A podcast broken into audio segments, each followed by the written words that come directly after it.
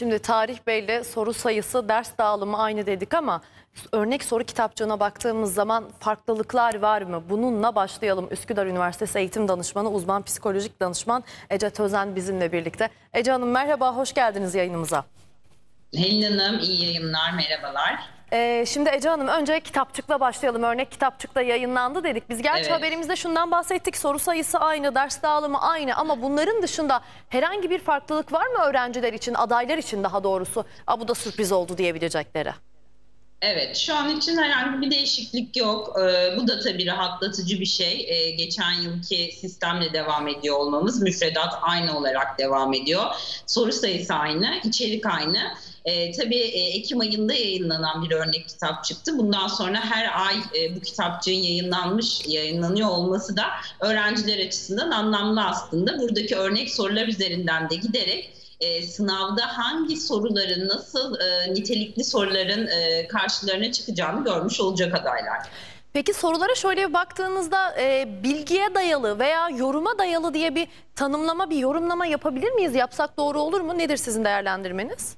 Tabii şunu şunu söyleyebiliriz e, Helin Hanım daha önceki yıllara baktığımızda LGS'de artık okuma, okuduğunu anlama ve yorumlama aslında hem e, sözel alanda hem de sayısal alanda çok önemli. O yüzden burada adayların özellikle okumayla ilgili iyi çalışmalar yapmaları gerekiyor. Hani bu kitap okumanın dışında e, karşılarına çıkan her şey işte gazete okuyabilirler, şiir okuyabilirler. Karşılarına çıkan her şeyi okumaları gerekiyor. Çünkü son iki senedir biz e, LGS'de şunu görüyoruz ki e, okuma becerisi güçlü olan, okuduğunu anlayabilen öğrenci çok daha başarılı oluyor. O yüzden adayların öncelikli olarak buna çok dikkat etmesi gerekiyor. Peki Sayın Tözeniş hemen şunu da sor- sorayım size. Şimdi okuduğunu anlama dediniz ki sadece kitap değil e, Evet. şiir okunmalı, gazete okunmalı ama okumadan okumaya da fark var. Şimdi e, bazen öyle durumlar oluyor ki sizin de başınıza geliyordur, benim de geliyor. Okuyorum, gözüm okuduğumu biliyor ama beyin işte onu anlamıyor, almıyor. Bu dengeyi nasıl tutturacak öğrenci? Evet, verim, verimli okumalar yapmaları gerekiyor tabii ki e, adayların e, bu konuda. Yani sadece hani buna hazırlık gibi düşünmeden e, hani gerçekten kendilerini vererek hani daha keyif alacakları şeyleri belirlemeleri gerekiyor. Mesela kitap türü olarak nelerden hoşlanıyorlar? İşte macera mı seviyorlar? Farklı kitap türleri mi var? Birazcık daha e, hoşlarına giden, ilgilerinin olduğu alanlarda okumalar yaparlarsa e, hani merakla ilgili işte bilim kurgu okuyabilirler, e, son araştırmalarla ilgili e, bir şeyler okuyabilirler. Hani ilgi alanları doğrultusunda okuma yaparlarsa hem bu alışkanlıklarını yani okuma ve anlama alışkanlıklarını geliştirmiş olurlar hem de e, o bilgilerini de tazelemiş olurlar. Şimdi okumayı bir kenara bırakacak olursak bir de matematik Evet, meselesi var. Yani sayısal meselesi var. Genelde öğrencilerden şunu duyarız. Derler ki ya ben sayısalı anlamıyorum. Şimdi bu biraz da ön Evet. yargıdan belki de kaynaklanıyor bilmiyorum. Eğer sayısal işte matematik e, veya fen ağırlıklı bu dersleri bu konuları çalışırlarken ne önerirsiniz? Nasıl çalışmaları gerekir? E, şimdi şöyle adaylara en büyük önerim şu olur aslında. Biz müfredata baktığımızda LGS'de 8. sınıf müfredatı ağırlıklı bir e, sınav. O yüzden adayların öncelikli olarak okula çok önem vermeleri gerekiyor. 8. sınıf derslerini çok iyi takip etmeleri gerekiyor ve e, mutlaka şu anda Ekim ayındayız. E, 7 Haziran'da yapılacak sınav. Hazirana kadar bir zamanımız var. E, bu eksikleri tamamlama açısından işte her derste hem sözelde hem sayısalda mutlaka kendilerine bir program oluştursunlar ve bu program doğrultusunda gitsinler. Eksik oldukları konular neler? Bunları nasıl tamamlayabilirler? E, ve öncelikli olarak tabii şunu da yapmaları gerekiyor. Adaylar hep burada çok soru giderek, e, çok soru çözerek devam etmek istiyorlar ama önce bizim konuyu anlamamız gerekiyor. E, tabii bu ön yargıları da bir kenara bırakmamız gerekiyor Helin Hanım. Yani e, matematikle ilgili hemen hemen bütün öğrencilerin problemi vardır. Matematik e, hep böyle korktuğumuz bir derstir. Ama önce ön yargıları bırakıp e, gerçekten öğrenmeye niyetlenip o şekilde e, çalışmanın başa, başına oturmak gerekiyor. Sayın Tözeniş şimdi doğru bir program hazırlamaları gerekiyor dediniz Evet. ya.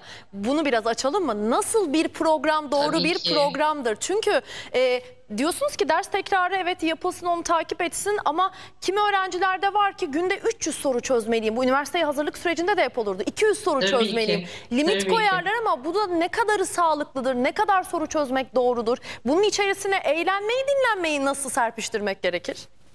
Evet, e, eğlenmeden, dinlenmeden de olmaz. evet bir e, sınav senesi 8. sınıflar için ama tabii bu bütün hayatımızı e, kısıtlamalıyız anlamına gelmiyor. E, bir de çok güzel bir konuya değindiniz. Çok teşekkür ediyorum. Evet herkesin işte 300 soru, 500 soru çözdü, sınavı kazandı gibi bir şey yok.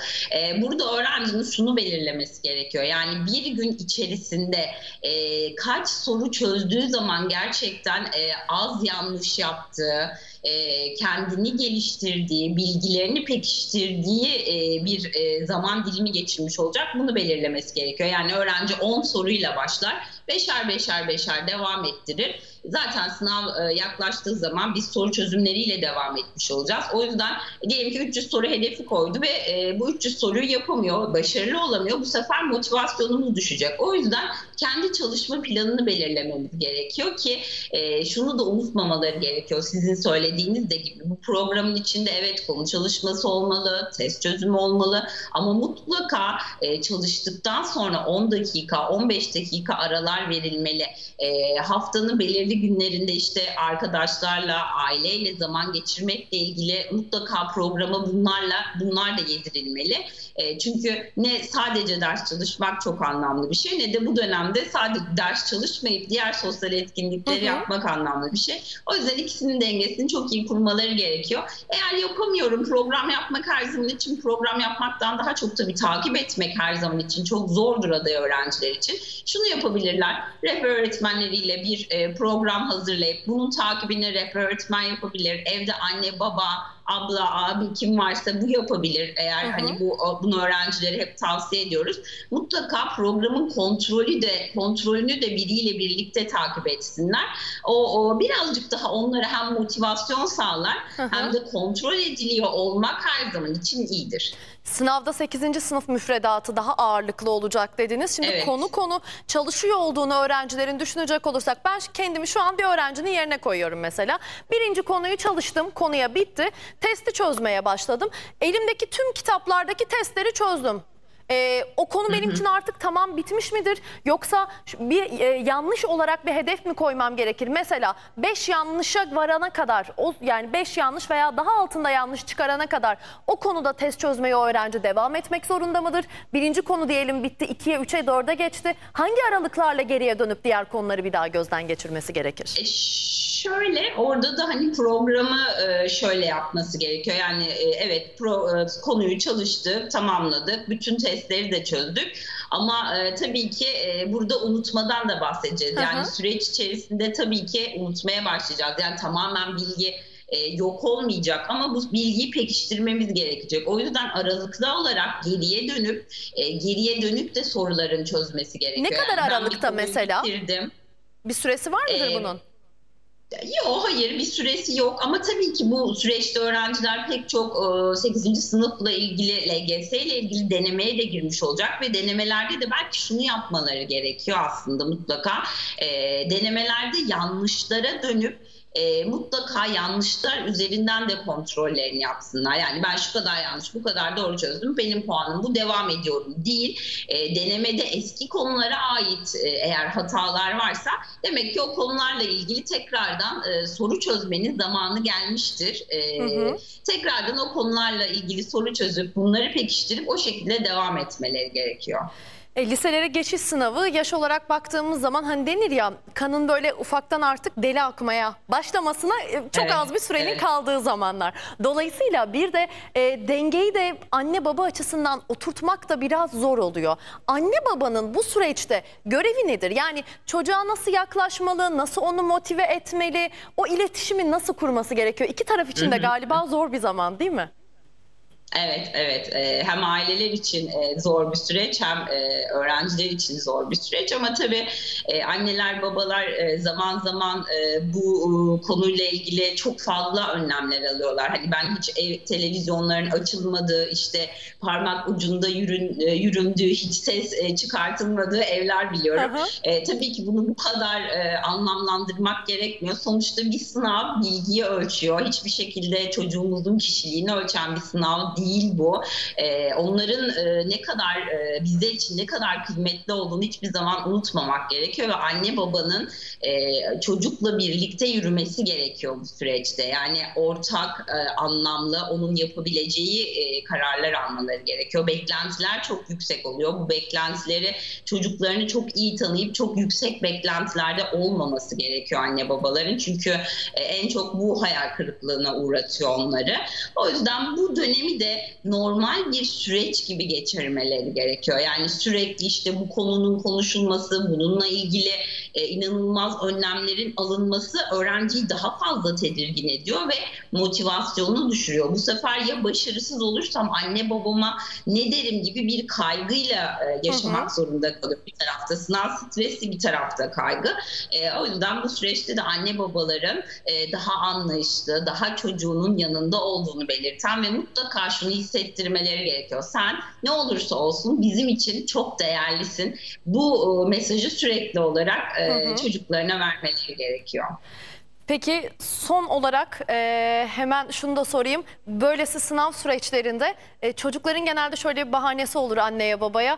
Ya ben yarın okula gitmeyeyim evde ders çalışacağım. Okulda zaten çok da bir şey yapmıyoruz. Sınava hazırlanacağım, test çözeceğim. Bu ne kadar altı doldurulabilir bir taleptir öğrenci açısından. Böyle bir taleple, böyle bir istekle karşılaşan anne babanın yanıtı ne olmalı? Ee, orada biraz tabii ki e, de durmak gerekiyor. Bir takım kuralların olması gerekiyor. Çünkü e, hani dediğimiz gibi 8. sınıf müfredatı ve o yüzden öğrencilerin bu dönemde 8. sınıf derslerini de çok iyi takip etmeleri gerekiyor. Yani okul çok önemli. Okulda öğrendikleri çok önemli. E, çünkü sınav tamamen bunun üzerine e, kurgulandığı için o yüzden okula devamlılık da e, sınavda başarı kadar önemli bir hale gelmek e, geliyor. O nedenle okul devamsızlıklarının e, çok fazla olmaması gerekiyor bu yıl için. Peki Sayın Tözeniş çok teşekkür ediyoruz yayınımıza katıldığınız için.